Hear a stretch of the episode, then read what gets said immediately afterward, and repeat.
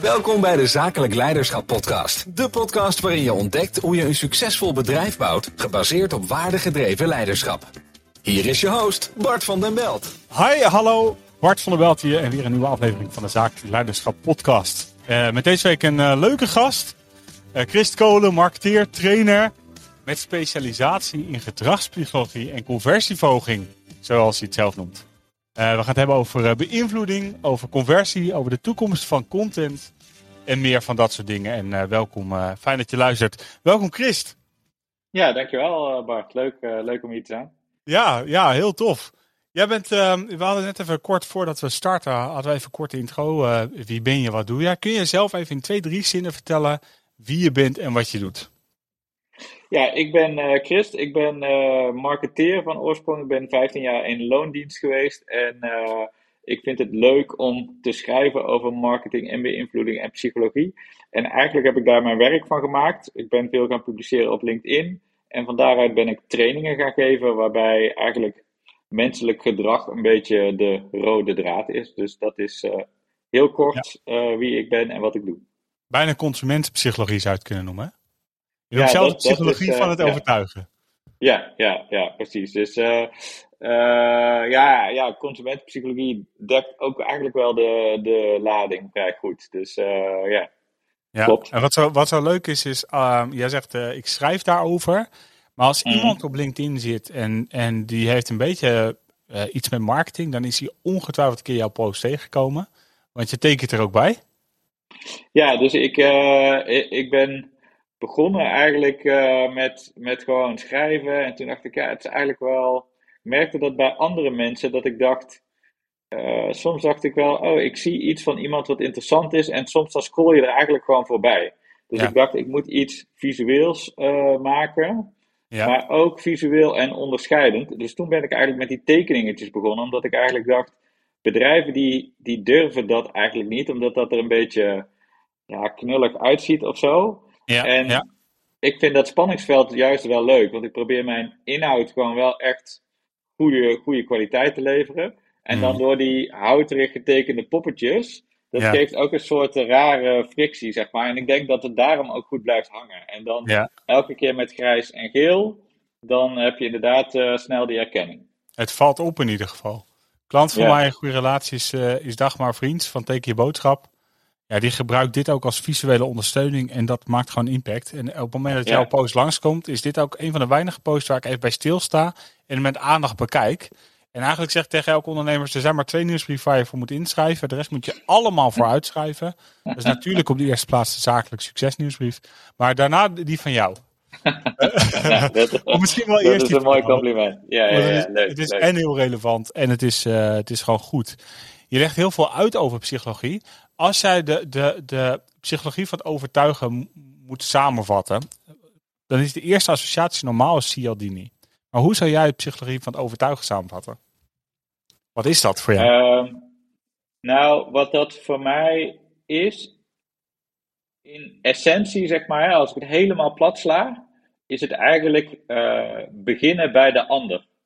En wat we eigenlijk doen in marketing, maar misschien ook wel in leiderschap, hè, wat een beetje jouw terrein is, ik ben benieuwd hoe jij daarnaar kijkt. We zijn eigenlijk altijd heel erg bezig met wat we zelf willen bereiken. Hmm. dus welk product willen wij aan de man brengen? Welk uh, doel willen wij dat ons team gaat realiseren? Terwijl als je iets gedaan wil krijgen van mensen, dan moet je uitgaan van, van hun belevingswereld en hun doelen, daarop aansluiten. En als je dat spel goed speelt, dan bereik je volgens mij in ieder geval in marketing veel meer. Maar ik denk dat de, de link naar leiderschap één op één te maken is. Maar uh, benieuwd hoe jij Zeker weten, ja. ja. Bij leiderschap gaat het altijd eerst om de ander. Ja. Je kan mensen niet meekrijgen in iets als je niet start bij wat voor hun belangrijk is en waar zij zitten. Meet them where they are. Zo, so, is heel belangrijk. Dus ik, ik, ben, um, ik ben het heel erg met je eens. Maar dat betekent dus dat je, dat je ook je klant echt heel goed moet kennen. Zeker. zeker. Vanuit marketing gezien. Het, het, is eigenlijk een, een heel eenvoudig principe. Hè? Dat starten bij de ander. Uh, maar en we uh, stappen snel in de valkuil dat we toch weer teruggaan naar wat willen wij uh, bereiken of vertellen. En twee, als je dan inderdaad denkt, oh nee, ik moet starten bij de ander,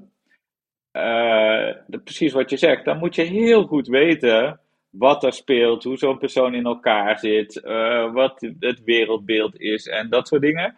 En alleen maar dan kan je, kan je iets bereiken. En ik, ik zat laatst te denken. Ehm, stel je schrijft een fantastisch artikel over leiderschap of over marketing, maar je presenteert het aan een groep. Uh, nou ga ik natuurlijk een groep beledigen, maar laat ik even stratenmakers zeggen. En, en uh, een prachtig beroep, maar ik denk dat die minder met leiderschap en met marketing te maken hebben. Uh, ja, dan, dan slaat het niet aan, want dat, dat is niet hun belevingswereld, zeg maar. Dus je, je kan nog zoveel goede dingen doen, maar als je je niet verdiept in de ander, dan, dan bereik je niks. Dus je zegt eigenlijk, het moet vooral relevant zijn. De inhoud moet relevant zijn voor de ander. Ja, ja. Maar eh, zou je dan starten, zeg je dan start met relevante inhoud, of zeg je dan maak jouw inhoud relevant? Nou, eigenlijk dat laatste. Uh, want want uh, het is een beetje een omweggetje natuurlijk. Hè? Want uiteindelijk wil je iets bereiken. Je wil een product verkopen, je wil een team in beweging brengen, et cetera.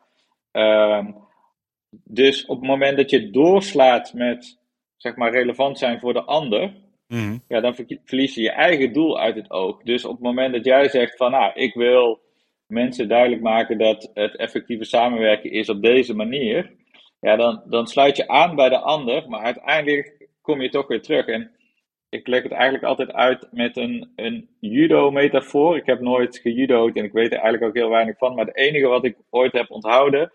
Ik had, ik had iemand in mijn team toen ik marketingmanager was. Uh, en uh, zij was een hele gedreven dame. Maar ze ging overal meteen de confrontatie aan. Dus meteen knallen. En toen zei ik tegen haar: beweeg nou eerst even mee.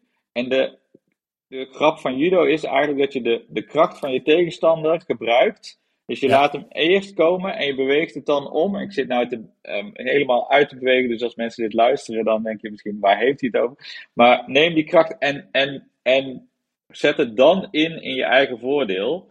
Dus dat meebewegen, dat is eigenlijk volgens mij een beetje wat jij uh, bedoelt. Maar wat, wat zo interessant is, je zegt eigenlijk twee dingen. Eén zegt, is het, laat het om de ander draaien en niet om jezelf. En tweede zeg je, dat doe je om je eigen doel te bereiken. Dat klinkt nogal manipulatief. Ja, ja dat, en dat, dat is het ook een beetje. Uh, uh, ja, dat is een uh, interessant punt. Eh, ik denk dat alle vormen van marketing, alle vormen van leiderschap, alle vormen van communicatie, er zit iets van manipulatie in. Alleen manipulatie is te sterk, hè, want dan, dan druk je iets door met, met slechte bedoelingen. Maar soms heb je ook de prima bedoelingen en je licht een bepaald ding eruit. Alleen dat is al manipulatie, zeg maar. Hè? Door te zeggen: hé, hey, ik zie nou op jouw achtergrond een, uh, een boekenkast en ik kan nou eigenlijk inzoomen op de rode fles champagne die je boven hebt staan en dan laat ik de rest weg. Is dat manipulatie of is dat eigenlijk mensen helpen om te focussen op wat relevant is? Ja, hmm. een, een filosofisch uh, dilemma. Ja, wat, je, wat je beschrijft is, is eigenlijk precies hetzelfde zoals ik dat uitleg in mijn, in mijn sales trainingen en in, in, in leiderschapstrainingen. Maar het verschil tussen manipulatie en beïnvloeding. Kijk, technisch is het hetzelfde. Je doet dezelfde, maar eh, precies hetzelfde, technisch. Dus de technieken en de methodiek om iets te bereiken is hetzelfde. Maar het, het verschil is de intentie. Ja. En bij, bij beïnvloeding creëer je ten alle tijde een win-win. En bij manipulatie kan er een win-verlies ontstaan. Ja, ja. Dat is een beetje hoe, hoe, ik het verschil maak. Maar Zeg je dan eigenlijk ook dat, dat wij allemaal manipuleren de hele dag door? In a way wel. Dat ik daar een fles heb staan, onbewust? Ja, ja. Nou ja, kijk, ik denk uiteindelijk moeten we ook wel als mensen, omdat um, als wij de hele tijd uh, volledig willen zijn, dan komen we tot niks. Dus als ik tegen jou zeg, uh, uh, wat, wat zullen we eten vanavond? Welke opties hebben wij? als jij een volledig antwoord zou geven, dan zou je met 27.000 opties komen. En uiteindelijk zouden we dan waarschijnlijk allebei omkomen van de honger. Dus wat doe jij? Jij maakt een selectie van gerechten die je waarschijnlijk lekker vindt. Ja, is dat manipulatie? In a way wel, want jij maakt die selectie. Je vertelt niet de volledige waarheid van alles wat we zouden kunnen eten. Hmm. Alleen dat heeft wel een functioneel doel. Uh, dus, dus in die zin, het heeft een hele slechte klank. En in normaal spraakgebruik, als we iemand manipuleren, dan is het inderdaad met bad intention. Maar, maar communicatie uh, is gebaat bij manipulatie, omdat we dingen weglichten, weglaten, uitlichten, et cetera. Ja, ander woord van communicatie is buigen. Je zou kunnen zeggen, het, uh, ik, ben, ik heb natuurlijk een achtergrond. Ooit ben ik begonnen als goochelaar, dus dan ben ik bezig oh, met kaartmanipulatie onder andere. Hoe, hoe, hoe, beweeg je kaarten? En wat je doet is het beïnvloeden van de realiteit van iemand anders. Oh, en dat is ook het interessante in, in marketing en weet ik het. Je bent continu bezig met jouw eigen realiteit voorspiegelen of, of laten zien aan een ander in een poging om te zorgen dat die ander aan boord is van jouw realiteit. Ja, ja, en, en op het moment dat de twee realiteiten botsen, ja, dan is het niet effectief. En als ze niet botsen, dan wordt het effectief. Doe je nog wat met uh, die uh, hobby van toen in, in je zakelijke praktijk? Heel enkele geval uh, gebruik ik het als voorbeeld voor iets. Ja. Maar ik heb ooit een keer gehad toen ik, ik, ik ben nu tien jaar spreker, dus ik spreek op congres en dergelijke over leiderschap en, en ondernemerschap. Ja. Wel leiderschap. En ik heb ooit een keer gehad, toen werd ik aangekondigd op een congres met 800 man. Daar zei ze, we hebben een goochelaar en die komt iets stellen over leiderschap.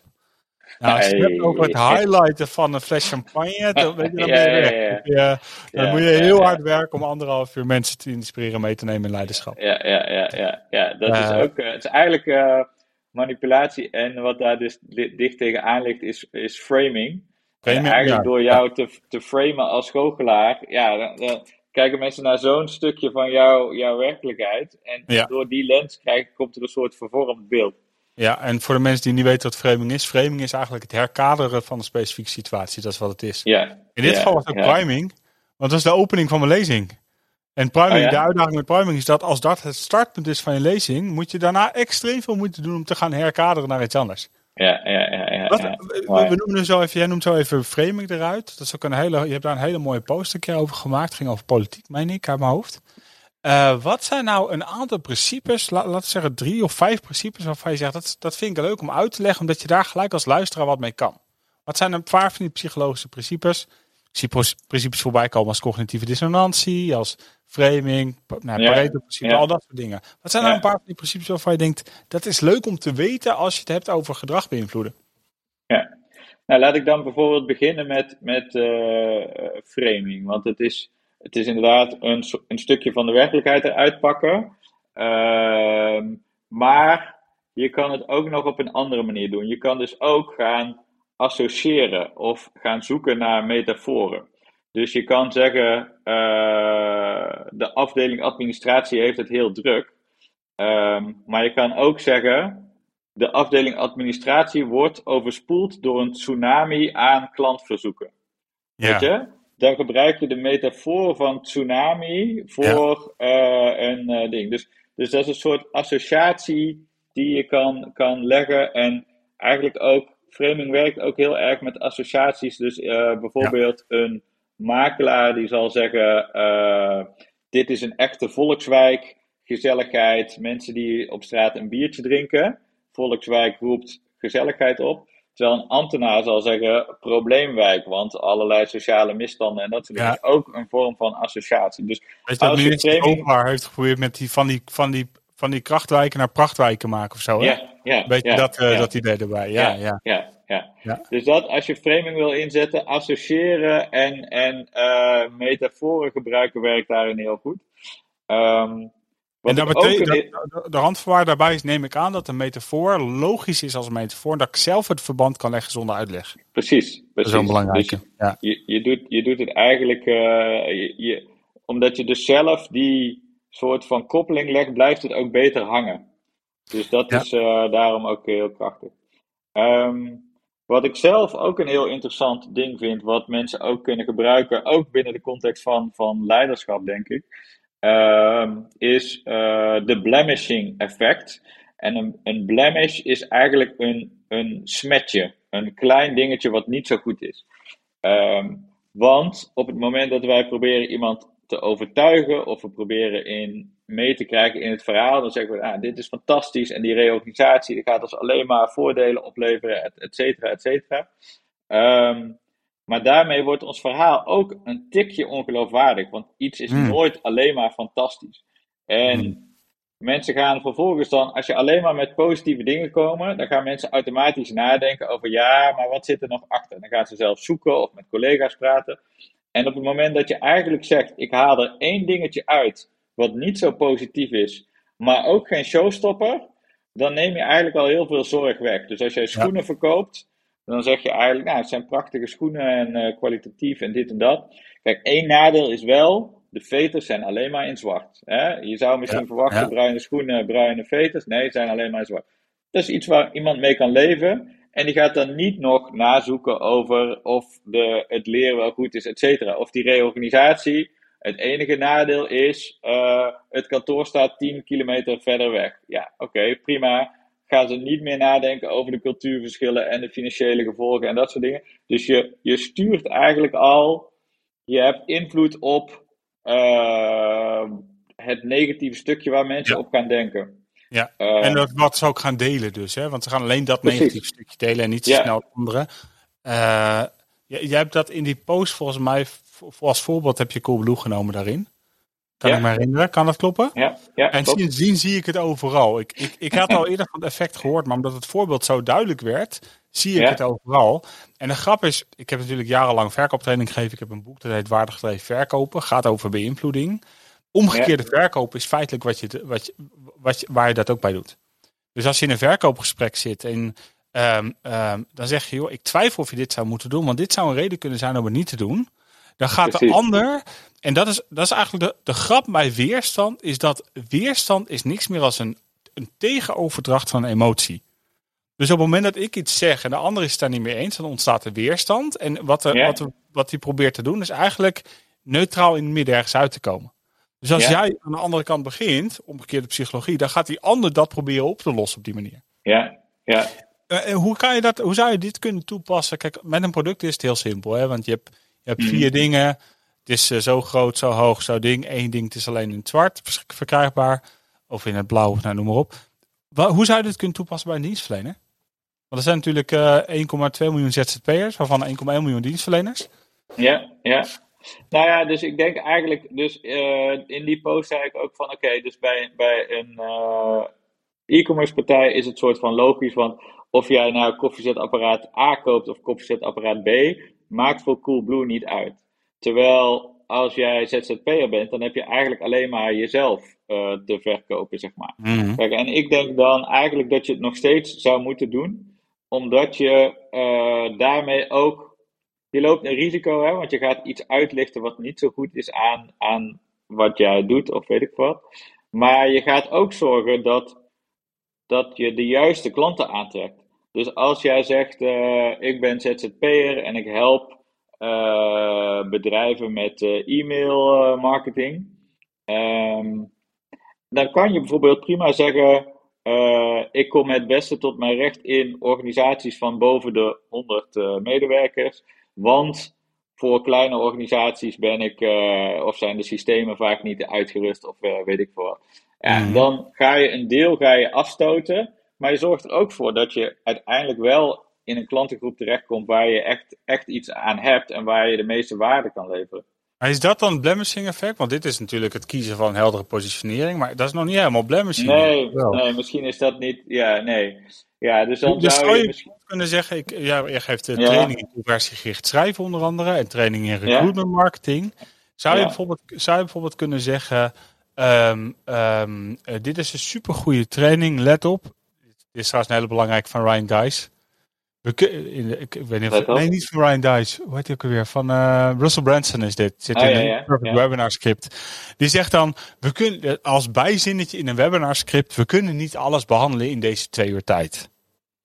Dat is een blemishing effect om uit te lichten dat, dat je een vervolgstap moet zetten. is dat een voorbeeld daarvan? Ja, denk het wel. Want dan, dan, kijk, wat, wat het voordeel is van een, of het ding is van een blemishing effect, is eigenlijk ook een nadeel pakken en het dan eigenlijk weer ombuigen in een voordeel. Dus, uh, ja, nou, dus een nadeel voor anderen, maar misschien niet voor jou. Of, of een nadeel ja. voor dit product. Ja, ja, ja. ja, ja, ja. Dus, uh, en ik moest net ook denken aan wat je vertelde over dat, die omgekeerde uh, psychologie, zeg maar.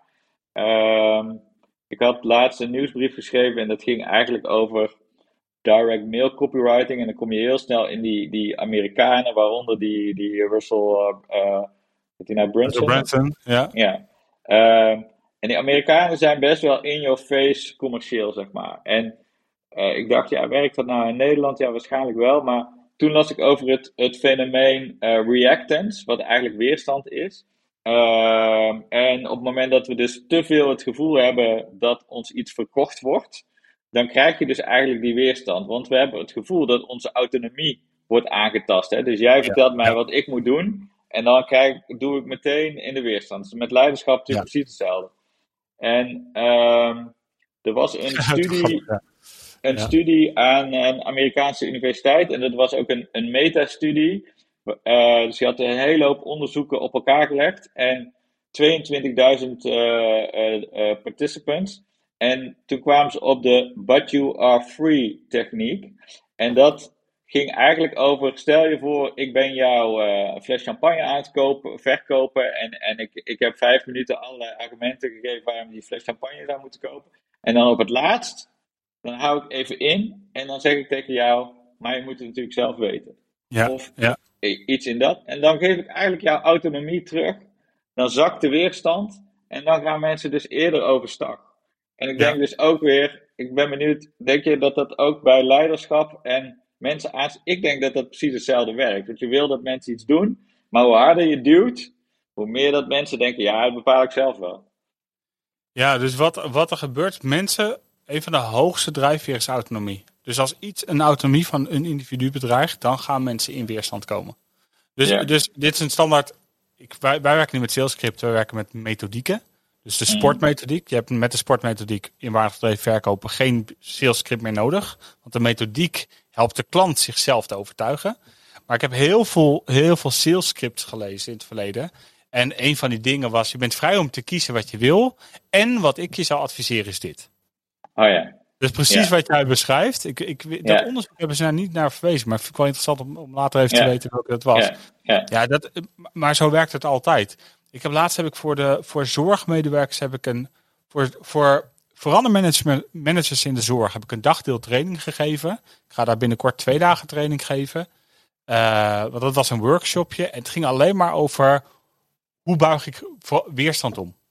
Ja. En allereerste wat je moet doen is dat er volledig laten zijn. Hé hey, joh, je hebt weerstand en dat mag er zijn. Ik snap het, want je bent volledig autonoom om deze weerstand te hebben. Dat is helemaal oké. Ja. En, uh, en ik wil je nog een ander wereldbeeld aanbieden, maar daar hoef je echt helemaal niks mee. Nee, precies. En nu hebben we in één keer twee wereldbeelden die naast elkaar vergeleken worden. En dan zeg je, hey, wat zijn nou de voordelen om het oude wereldbeeld vast te houden en het nieuwe wereldbeeld te adopteren? En langzaam gaan ze dan dat oude wereldbeeld loslaten en adopteren naar een procesje. Uh, ja. um, maar weerstand is niks meer als een, als een overtuiging. Een overtuiging is niks meer als een if-then rule. Als dit gebeurt, dan dat. Als ik dit ga kopen, dan dat. Ja. Ja, als dat het wereldbeeld is, ja, dan, dan heb je inderdaad een uitdaging. Dus als je het hebt over, ik zie dit in leiderschap terug. Ja, weerstand, weerstand, um, um, erkennen, herkennen, erkennen, accepteren, reageren. Ja, dat is precies hetzelfde. Ja. Ik vind ook wel dat je een mooie toevoeging doet aan die, uh, je moet het zelf weten. En ik zou je dit adviseren. Omdat uh, wat daar natuurlijk ook in zit, is, uh, dus je hebt eigenlijk al de verschillende opties uitgelegd. Dan zeg je eigenlijk mensen mogen zelf kiezen. En die laatste toevoeging, en ik zou je dit adviseren, of ik wil je dit adviseren, is ook lekker omdat niemand wil een verkeerde keuze maken.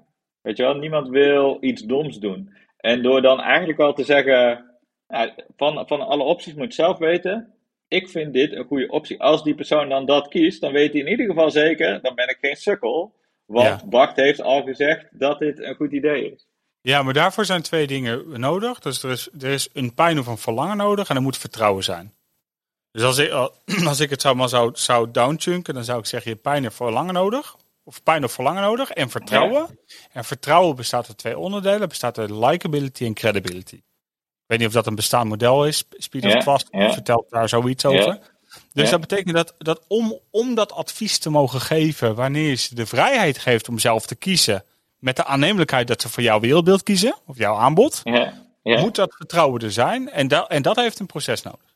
Ja, ik, ik heb de, voor de eerste keer nu want wij, jij benaderde mij voor deze podcast en toen zei ik, ja, uh, lijkt me leuk, maar leiderschap, uh, ik weet niet. En het is voor de eerste keer dat ik denk, holy shit, wat een hoop dwarsverbanden zitten er. Want als leider ben je eigenlijk ook continu ideeën aan het verkopen en de richtingen aan het verkopen en mensen mee aan het krijgen. En dat is, dat is leiderschap, precies hetzelfde principe. Leiderschap is invloed. Dat is wat leiderschap is. Ehm, ehm, eh, kijk, ik had ook 100% sales trainer kunnen worden of 100% marketing trainer. Alleen mijn, wat ik hier te doen heb op deze aarde, is mensen helpen om gelukkig te worden, meer heelheid te krijgen, congruenter te leven. Dat zeg maar. Dat is, dat is, Dus ik, voor mij past daar de rol leiderschap bij. Maar wij doen, we hebben exact hetzelfde vak. Ja, ja, dit, ja. dit is ook een interessante. Daar vind je ook ja, het, het, is heel gek dat, je, dat dat iets is, uh, zeg maar, wat zo eigenlijk in your face is. En ik heb me nooit zo gerealiseerd dat het, dat het zoveel parallellen heeft. Terwijl nu, nu ik het weet, of nu ik het zie, denk ik, hoe, hoe heb je dat niet, hoe heb je dat niet kunnen zien, zeg maar. Dat is grappig. Oh, mooi. Leuk. Mooi. Hey, wat, wat, um, wat zou nou nog een derde zijn? Je hebt het over de blemishing effect en, en uh, priming. Ja. Nee, sorry, over blemishing effect en um, uh, um, kadering. Ja. Engels woord. Framing. Wat zou ja. een derde zijn waarvan je zegt dat is een hele belangrijke?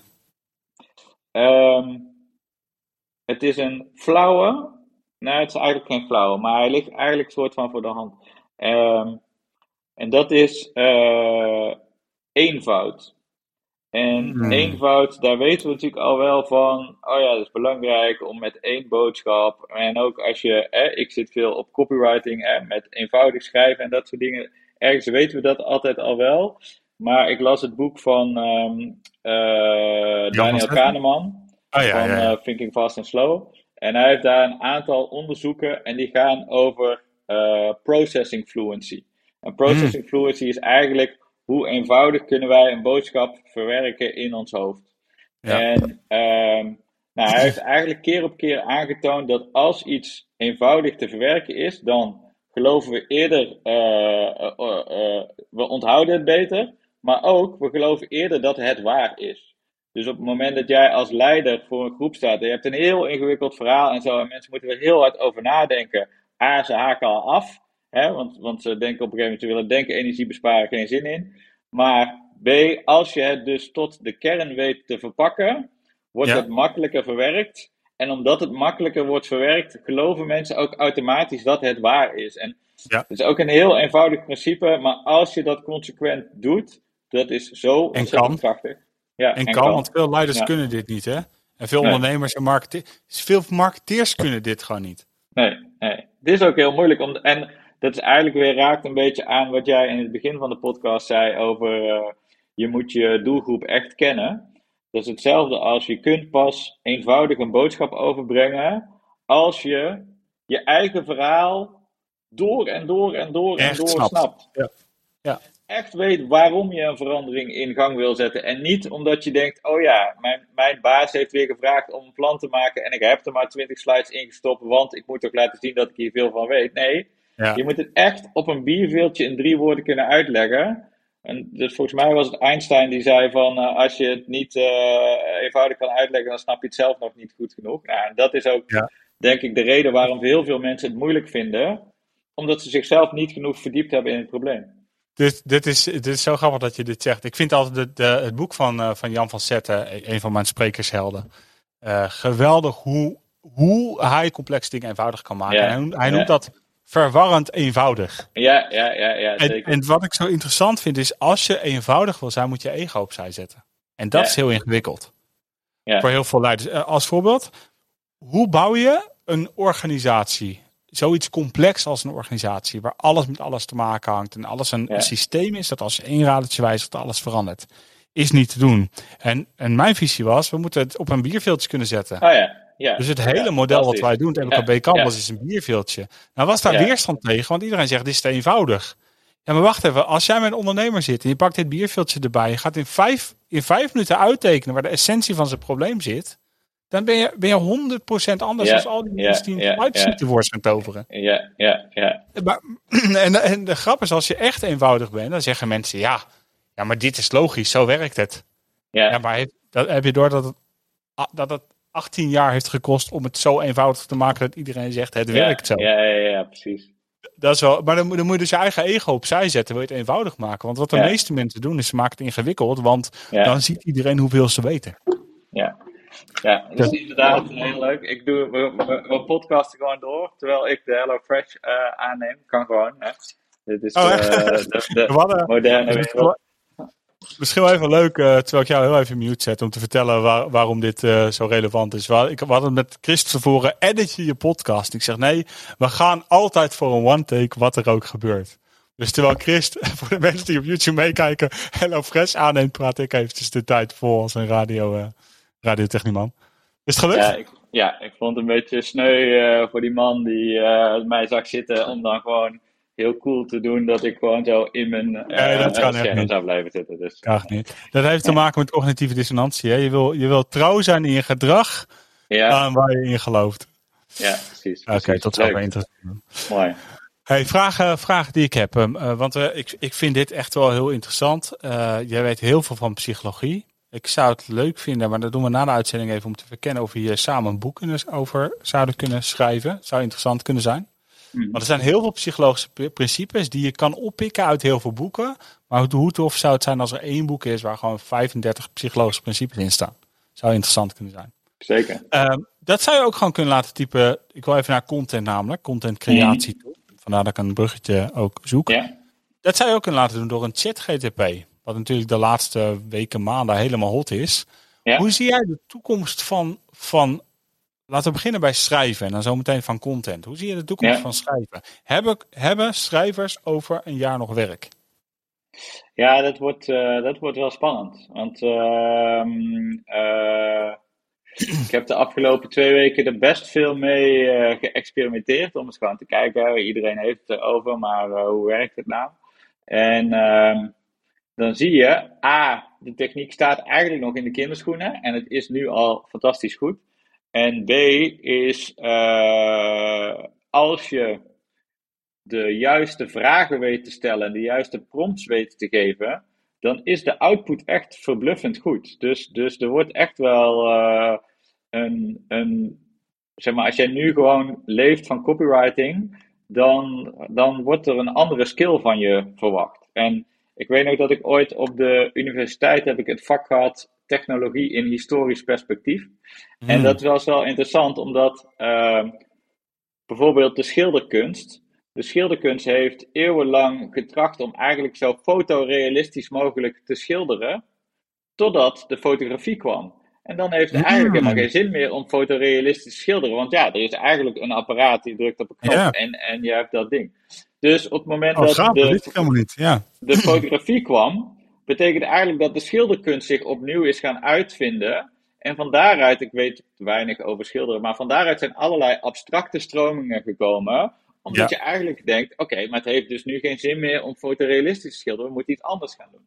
Ja. En ik denk dus dat zoiets ook gaat gebeuren, dat op het moment dat er dus een machine of een algoritme is wat de woorden en de teksten kan produceren, dat betekent dus dat de mens achter de machine zich moet gaan storten op de ideeën of de invalshoek of de, weet je wel, dus je krijgt een ander soort rol. Het wat mooi is, wat jij, wat jij uh, vertelt is, is uh, eigenlijk exact hetzelfde dat Gary Vaynerchuk zei. In een interview, die zei, uh, text is coming, becoming a commodity. Ja. Dus het wordt, het wordt iets wat, wat je gewoon van de plank kan pakken en kan gaan gebruiken. De uitdaging is, hoe ga je dat creatief inzetten?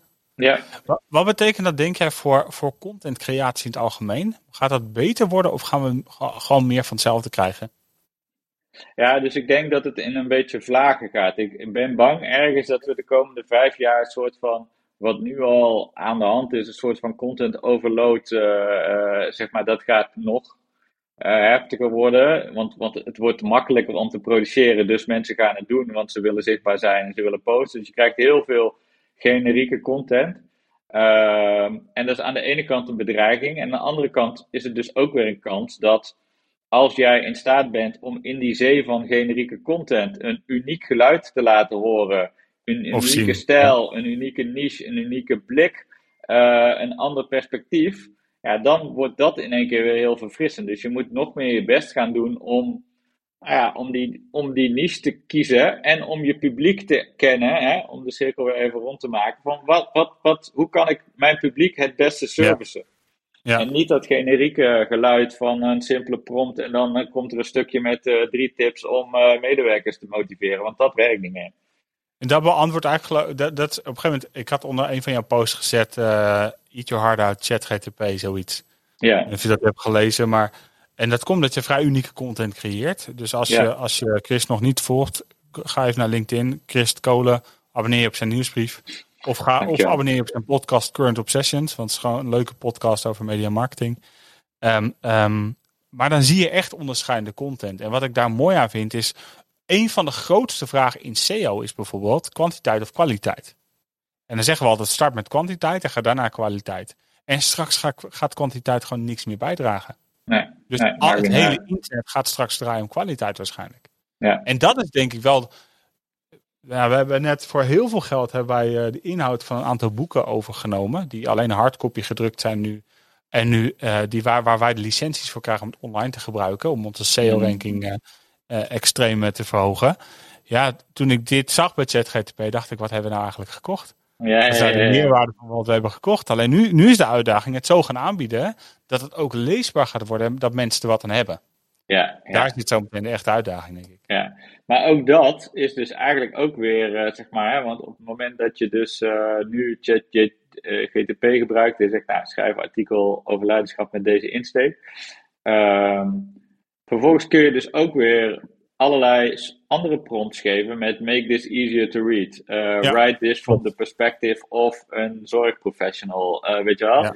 Dus je kunt het weer uh, verfijnen. Zet het ja, in een tabel kan zelfs. Hè? Maak een rijtje met dit. Gebruik deze twee, twee, deze twee parameters als assen en zet het dan in een tabel. Ja, ja. dus we gaan wel een soort van gekke tijd. Ik weet ook nog, aan de ene kant is het natuurlijk, zegt iedereen, uh, ja, technologie, technologie is er, dus omarm het en maak er het beste van. En dat geloof ik ook wel. Tegelijkertijd denk ik ook wel, ja, het is ook wel een soort van spannende techniek. Hè? Wat betekent het over 15 jaar nog om, om mens te zijn, als we het naar een heel filosofisch level willen trekken? Nou, dus ik, eens, ik weet ook niet zeker of dat het... Wat zeg je? Wat, wat, wat betekent dat?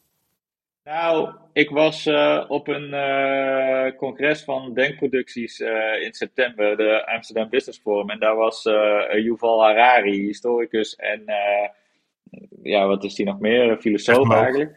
Ja, um, en hij zei, het duurt niet heel lang meer of je koelkast begrijpt je beter dan je partner. En dan denk je eerst, ja gast, doe, doe eens niet zo gek. Maar vervolgens ging hij het uitleggen. En toen, toen dacht ik, ja, dan heb je wel een punt. Dus als jij thuiskomt uh, van een dag en je hebt een vervelende dag gehad. En je gaat tegen jouw vrouw dat verhaal vertellen. Uh, dan luistert zij. Maar zij heeft ook een dag gehad. En haar dag was heel leuk of was ook vervelend. Dus om, om naar jou te luisteren, zitten bij haar ook haar emoties in de weg.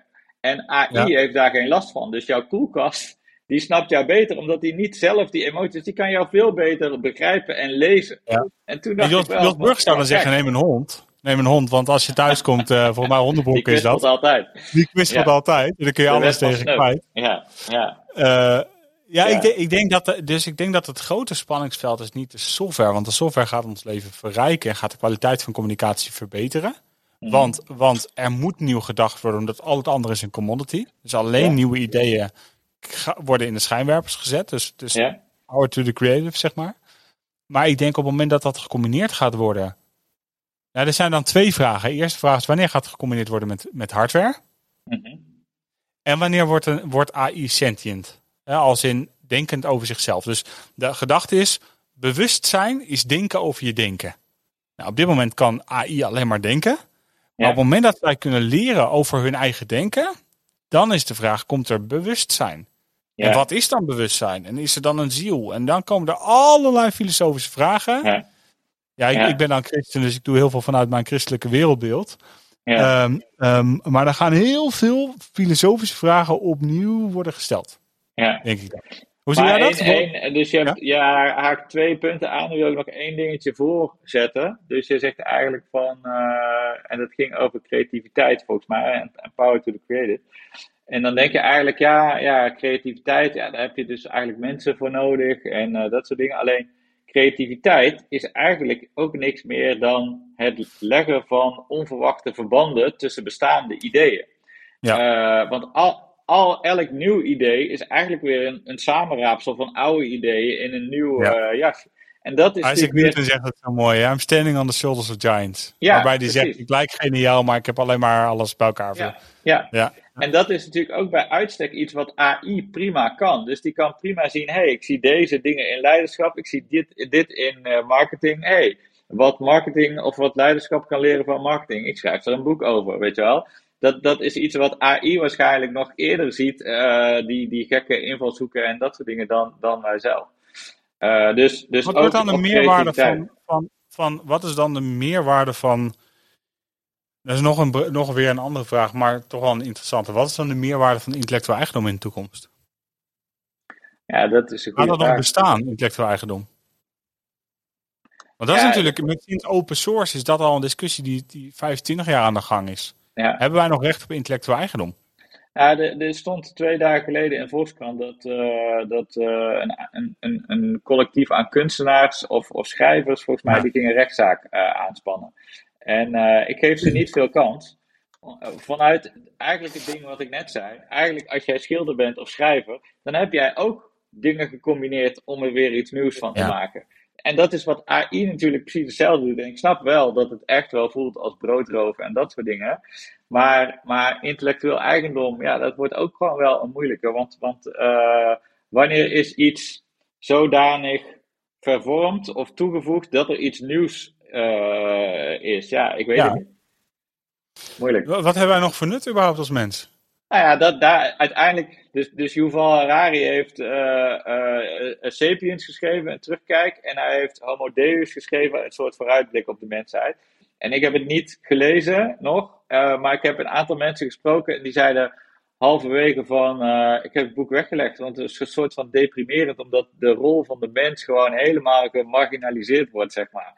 Dus uh, misschien moet ik het nog eens een keer gaan lezen als ik in een, uh, in een good mood ben en het allemaal aan kan. Maar uh, het, wordt het worden gekke tijden, denk ik dat dat, dat de samenvatting is. Vanuit, vanuit ehm, het christelijke wereldbeeld en de christelijke historie, en dan bedoel ik even het Oude Testament, hè, dus bestaat uit 400.000 documenten die samengevoegd zijn tot 66 boeken. Dat noemen wij de Bijbel. Ja. een aantal van die boeken gaan over geschiedschrijving, onder andere van het Joodse volk. Uh, uh, daar is een van, de, een van de hoogtepunten in het Oude Testament is dat de mens gelijk wil worden aan God. En in Babel um, um, laat zien aan de hele mensheid, wij bouwen de hoogste toren. En God zegt daar, wat je daarvan vindt, laat ik dan even los. Maar dit is dan wat er wordt, wordt geschreven. Hé, hey, wacht even, je wil gelijk zijn naar mij. Maar, maar er is hiërarchie in deze schepping. Dat is namelijk eerst God, dan de mens, dan de engelen, dan de dieren, dan de planten, dan de aarde. Dat is de hiërarchie. Jij wil volledig gelijk zijn naar mij, dat kan niet. We gaan taal verdelen over de hele wereld. En nu zegt de mens, gaat het hele cyclus opnieuw in. We zitten weer in hetzelfde. Taal kan real vertaald worden. Creativiteit is overbodig. Met andere woorden, wij zijn gelijk aan God. Terwijl alle complexiteit van AI kan niet hetzelfde als een zaadje een bloem laten worden. En, dat, en dat vind ik, weet je, als we dat, als we, je kan een boek lezen als Sapiens, maar als je het perspectief van een zaadje wat een bloem wordt erbij pakt, dan, dan denk je eigenlijk zijn we best wel hele domme wezens met elkaar. Mm. En dat geeft, dat geeft mij dan weer hoop dat, dat het, is een, het, is een, het is een stap in hoe we denken, het is een stap in evolutie. Maar wat mij hoop geeft is de waarde zit dus niet zozeer in wat wij creëren. De waarde zit in, dus de vraag komt weer terug die Kant ooit stelde, is er intrinsieke waarde? Dat is de vraag die terugkomt dan. Is er waarde zonder, zonder te produceren? Dat, dat is volgens mij een hele fundamentele vraag die terug gaat komen in de komende tijd.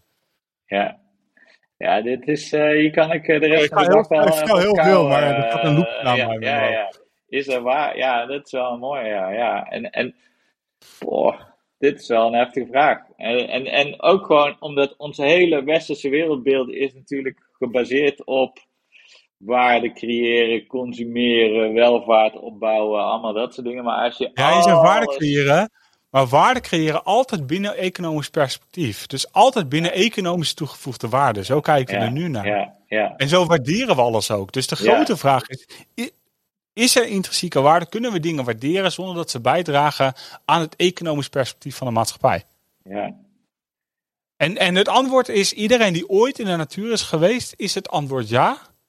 Want, want er is geen, geen plek waar je meer door hebt hoe, hoeveel intrinsieke waarde er is als je ooit voor het eerst in de berg loopt. Ja. Bijvoorbeeld, of in het bos, of, of de schoonheid van de lente ziet. Ja. Mooi. Ja, het is wel mooi. Uh, ik vind het heel hoopvol in ieder geval. Ik, ja, ik snap ja, ja, het zeker waar. Ja. maar ik vind het ook hoopvol. Ja, ja, maar ik denk dus, we moeten volgens mij, dus we gaan een soort tunnel in dat we dit weer moeten gaan beseffen of zo. En dat, dat zal even een soort van moeilijke. ik denk iedere verandering weerstand, hebben we het ook over gehad, weet je wel. En, en, en oude wereldbeelden loslaten en nieuwe omarmen. Dat, dat is best een verwarrende tijd. Uh, maar het is wel mooi hoe je het schetst. Dat, dat je kan wel ergens naartoe bewegen wat, er, wat, er, wat hoop geeft. Dus dat, dat is wel iets waar we ons aan vast kunnen houden. Ja, ja. Ik vond het een heel mooi gesprek, uh. Ik, ja, ik, leuk, ik, leuk. Jij zei van tevoren, ik heb geen idee waar we het over gaan hebben. ja, is toch goed gelukt. Volgens mij is het uiteindelijk uh, best wel goed gekomen. Ja, ja, zeker. Ik wil, je, ik wil je onwijs bedanken. Als we jou willen volgen of, uh, of iets willen, willen zien van jou, waar kunnen we ons het beste aanmelden? Ja, ga gewoon naar LinkedIn, uh, like een post. Er zit bijna altijd een linkje in naar mijn nieuwsbrief. En dat zou ik heel leuk vinden als je als je, je inschrijft ja. op mijn nieuwsbrief. En waar je ook zit nu, wacht nog even een weekje tot de volgende aflevering. Ondertussen kun je inschrijven op Current Obsessions. Leukste podcast over marketing en media. En daarna je abonneren uh, op deze podcast. Dankjewel uh, dat je hebt geluisterd. Dankjewel. Jij dat je erbij was. En tot volgende week.